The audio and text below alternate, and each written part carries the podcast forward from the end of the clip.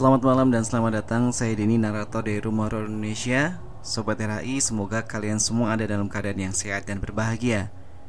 Masih nyambung dengan beberapa episode yang lalu Saya masih akan membacakan tulisan dari Raden Bara. Raden Bara adalah seorang penulis yang aktif di web Quora atau aplikasi Quora. Cerita pertama adalah kisah awal berdirinya rumah Raden Bara Kisah horor berikutnya dialami oleh kakak-kakak saya saat mereka masih kecil.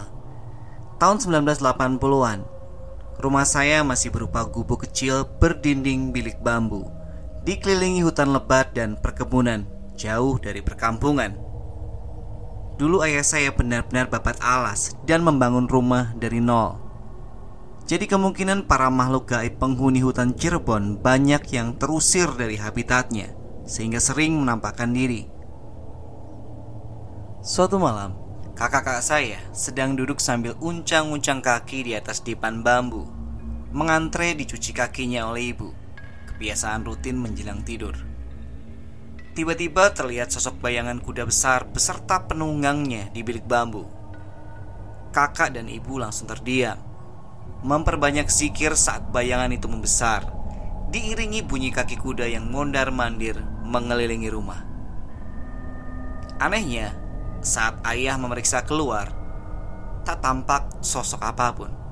Hanya ada kegelapan. Bahkan jejak kakinya pun tak ada. Padahal saat itu tanah becek karena musim penghujan. Besoknya makhluk itu muncul lagi. Tapi hanya suaranya saja. Diiringi bunyi kerincingan seperti kereta kencana bangsawan zaman dulu. Entahlah, mungkin itu jin korin atau jelmaan leluhur yang ingin menengok. Pernah juga ada sosok yang menyerupai kerabat atau kenalan. Dia diam saja saat disapa dan tiba-tiba menghilang saat dicari.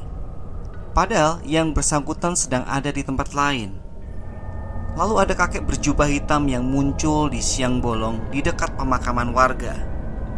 Sosok itu membawa cangkul dan jalannya lambat. Warga yang berpapasan dengannya ketakutan karena dia diam saja saat disapa entah ada kaitannya atau tidak. Kakek ini muncul saat di kampung saya banyak orang meninggal. Saat itu hampir tiap hari speaker masjid mengumumkan kabar kematian seseorang. Lanjut ke bagian sosok penjaga rumah.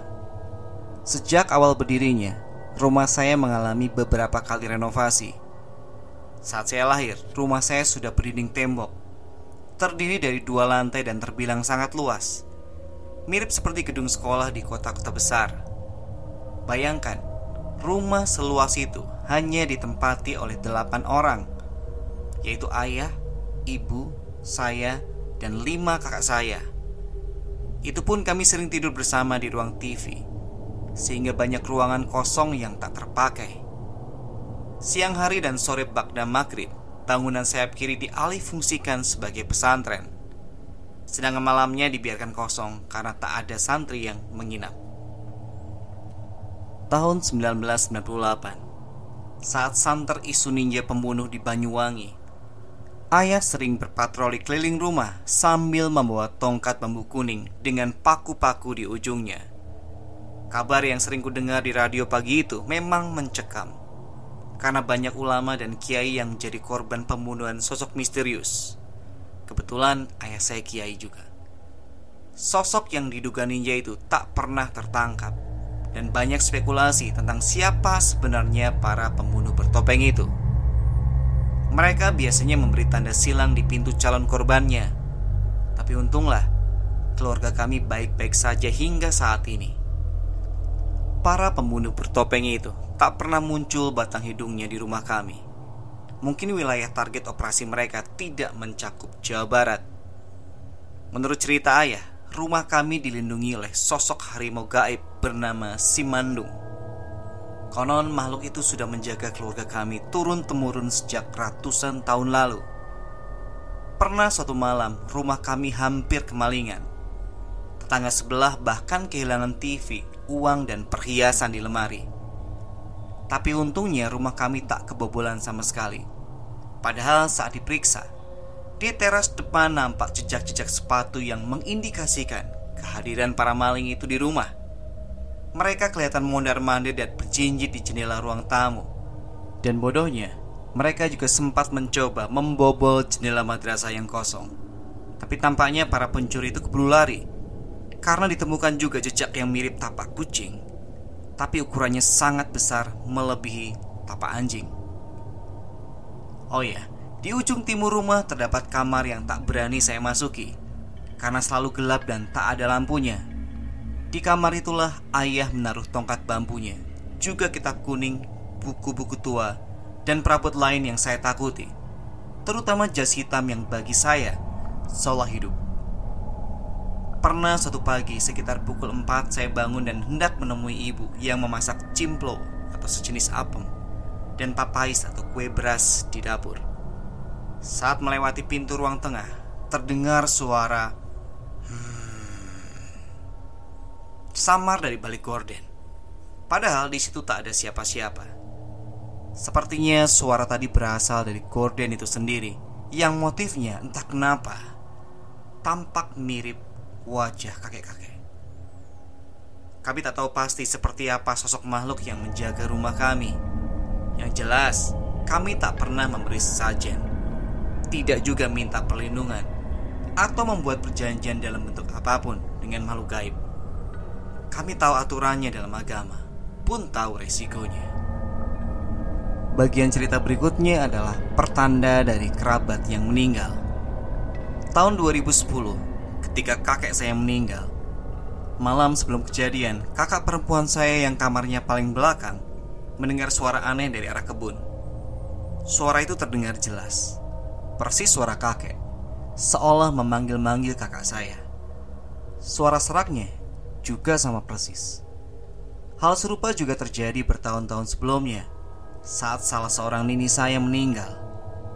Malam hari dari ruang madrasah yang kosong terdengar bunyi asbak yang terbuat dari kaleng bekas Fanta yang berkelontangan seolah ditendang dan dipermainkan sesuatu. Padahal ruangan itu dikunci dan tidak ada siapa pun di sana. Di lain waktu, paman saya juga pernah mendengar suara orang memanggil saat ia sedang mandi. Dan keesokan harinya ada kabar bahwa salah seorang temannya meninggal. Nah, Raden Bara juga pernah hampir diseret penunggu curug. Saat SD, saya pernah ikut dharma wisata low budget ke Curug Gelong di kampung kami bersama teman sekelas dan para guru. Perjalanan ditempuh jalan kaki lewat kebun warga. Cukup menyenangkan bagi anak-anak kampung saat itu. Dan saya lihat seorang teman saya iseng mencabut tanaman kacang dan menjadikannya cemilan. Setibanya di curug, teman-teman langsung asyik berenang. Bahkan ada yang naik ke atas air terjun dan menceburkan diri. Sementara saya yang tak bisa berenang lebih memilih menyusuri sungai menangkap kepiting, lalu mengumpulkannya di kantong plastik besar. Karena kasihan, teman sekaligus tetangga saya yang bernama Dimas mengajak saya ikut berenang. Awalnya saya takut karena tak bisa berenang, tapi Dimas terus meyakinkan saya. Dan akhirnya saya iakan. Saat sedang berenang di tepian curug, entah kenapa pikiran saya tiba-tiba blank, kosong seolah tertidur. Atau mungkin juga ada yang mengambil alih fisik saya. Saya tak sadar apa yang terjadi Tiba-tiba saja saya sudah ada di bagian tengah curug yang tentu sangat dalam sehingga saya hampir tenggelam. Saya panik bukan main, berkecipak sekuat tenaga, berusaha melambai minta bantuan. Tapi kampretnya, para guru cuma menonton dari atas batu sambil ngopi. Mungkin mereka kira saya cuma bercanda. Yang bikin horor, saya merasa ada tangan bersisik yang menarik kaki saya ke dalam air hingga saya merasa terombang-ambing, naik turun di tengah air keruh.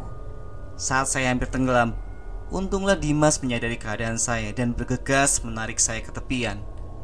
Entah saya harus marah atau berterima kasih padanya. Marah karena dipaksa berenang dan ditinggalkan. Berterima kasih karena sudah ditolong. Saya shock berat saat itu, dan beberapa hari setelahnya saya terus saja bermimpi buruk. Sejak itu, saya jadi agak takut bermain di air. Saya ingin pesan ibu saya, bahwa setiap kali hendak pulang dari tempat sungi, suwung, atau angker, kita harus memanggil nama diri sendiri supaya lembut roh halus kita ikut pulang dan tidak tertinggal di sana. Nah, berikutnya juga ada rumah yang dipakai untuk pesugihan. Nah, itu ada di dekat SD-nya Raden Bara. Di dekat SD saya terdapat rumah besar yang digosipkan warga sebagai rumah pesugihan. Katanya pemilik rumah itu tukang nyupang, mencari uang dengan cara gaib dan sesat. Saya sendiri menyebut rumah itu rumah cabai raksasa karena ada kentongannya berbentuk cabai dari lantai atas rumah tersebut. Entah benar atau tidaknya rumor tersebut. Yang jelas, suatu hari ada sepupu saya yang makan nasi berkat dari hajatan di rumah tersebut. Nah malamnya sepupu saya langsung kejang-kejang Kesurupan dan makhluk yang merasukinya Bilang bahwa nyawanya akan disandera untuk dijadikan tumbal Karena tak melihat langsung Saya tak ingat bagaimana persisnya Tapi kejadian itu sangat dramatis dan alot Sampai-sampai ayah dan salah seorang aki saya dipanggil malam-malam Untuk membantu proses rukiah Alhamdulillah negosiasi berjalan lancar dan makhluk itu pun berhasil diusir jauh-jauh tanpa syarat. Menarik lagi, Raden Bara juga menulis kesaksian santri yang ada di sana. Di sebelah barat rumah saya terdapat kebun yang sangat luas. Di sana ada jalan kecil bercabang yang kondisinya cukup sunyi dan gelap di malam hari.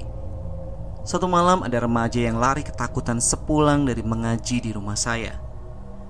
Katanya saat melintas di jalan itu Dia dihadang sosok pocong yang terbang di atas pohon Baru tahu saya kalau ternyata pocong asli itu terbang dan bukan loncat-loncat Di lain waktu ada juga santri di pesantren saya yang kabur gara-gara ketahuan pacaran Anak itu lari ke arah kebun dan saat sembunyi dia ditegur oleh bapak-bapak misterius yang kakinya tidak menapak tanah Mana mukanya pucat pula Sontak anak itu pun lari terbirit-birit ke rumahnya dan tak berani lagi datang ke pesantren. Nah, segitu dulu cerita horor kita di malam hari ini. Dan kayaknya ada satu episode lagi lah yang kita bisa gali dari pengalaman mistisnya Raden Bara. Sekali lagi terima kasih pada Raden Bara yang sudah mengizinkan cerita-ceritanya untuk dibacakan di podcast Rumah Horor Indonesia. Sukses selalu buat Anda, Bro. Semoga kalian terhibur. Sampai ketemu di cerita berikutnya. Selamat malam, selamat beristirahat.